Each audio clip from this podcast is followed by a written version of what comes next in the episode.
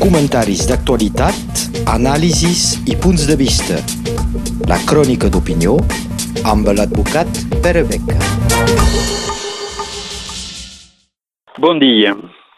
Finalment, d'alguna manera, gràcies a la crisi sanitàries, tots els presos estan en millor condicions, ja que tenen possibilitat de sortir de les llurs presons respectives.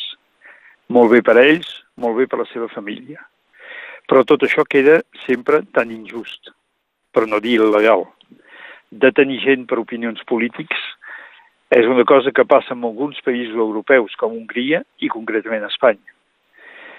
I, de fet, la situació millorada fa desaparèixer una mica el caràcter dramàtic de la detenció, però no, en el fons, el caràcter injust i il·legal d'aquesta mateixa detenció.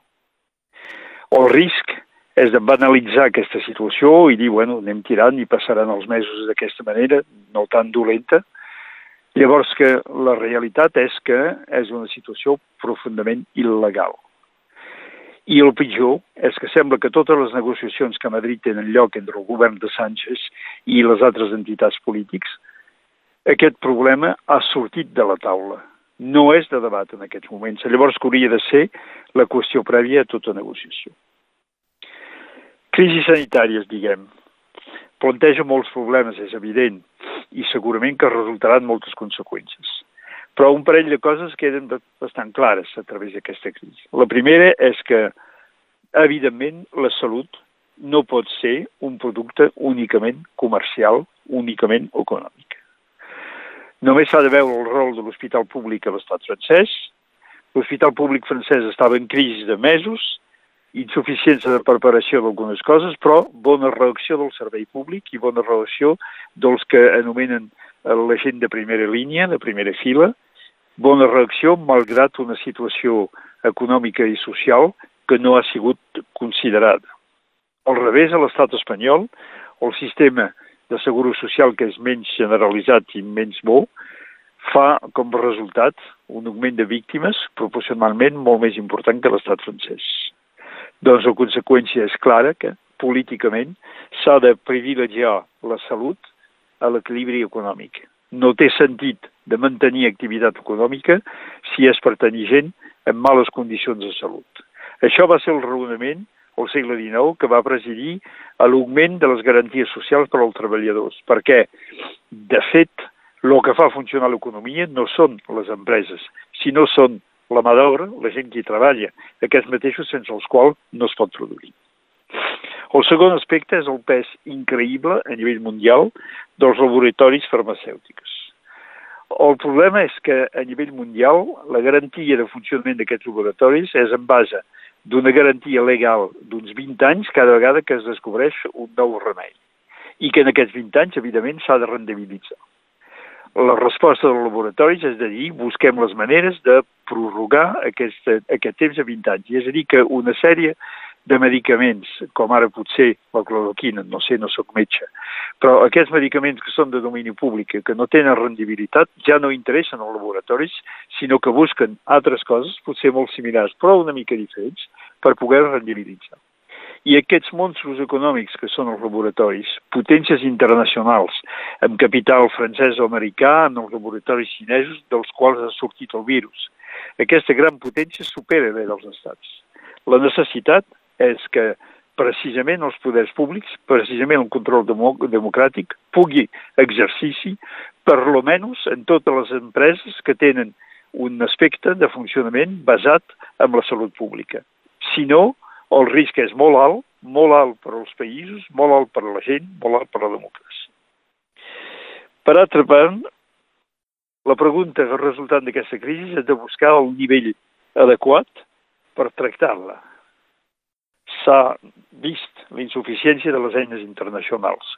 L'Organització Mundial de Salut és una organització dependent de la ONU, però que no té més poders que l'EC que els estats li volen otorgar.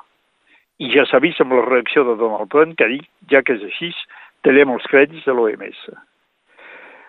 La veritat em sembla que hauria de ser que això també sigui considerat d'un punt de vista polític i d'un punt de vista democràtic que hi hagi una entitat internacional que sigui o que pugui ser realment independent dels estats, que no tingui com a límit la voluntat pròpia de cada estat que li dona un poder.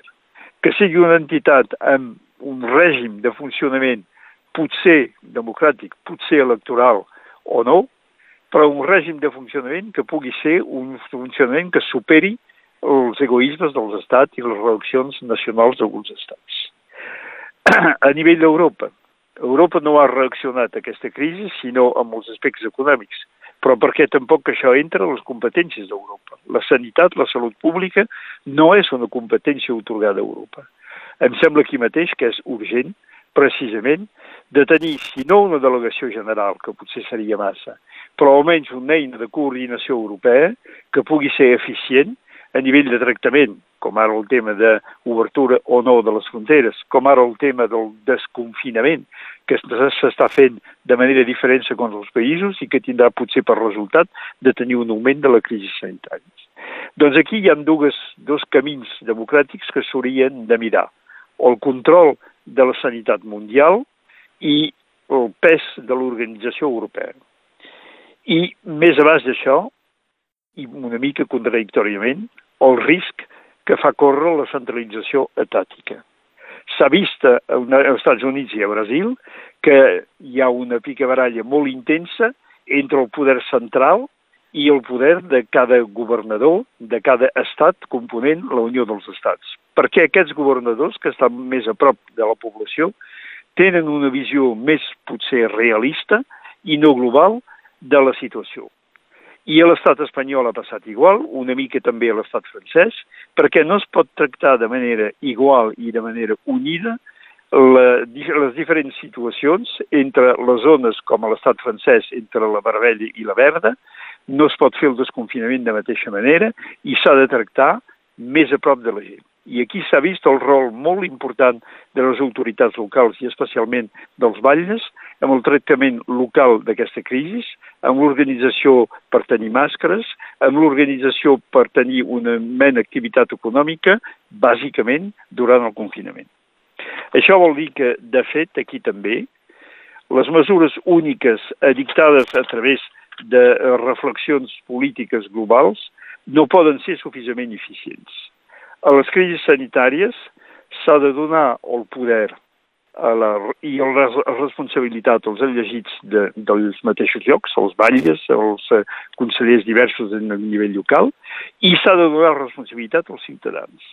Responsabilitat dels polítics, responsabilitat dels ciutadans, em sembla que això també se't diu democràcia. Moltes gràcies.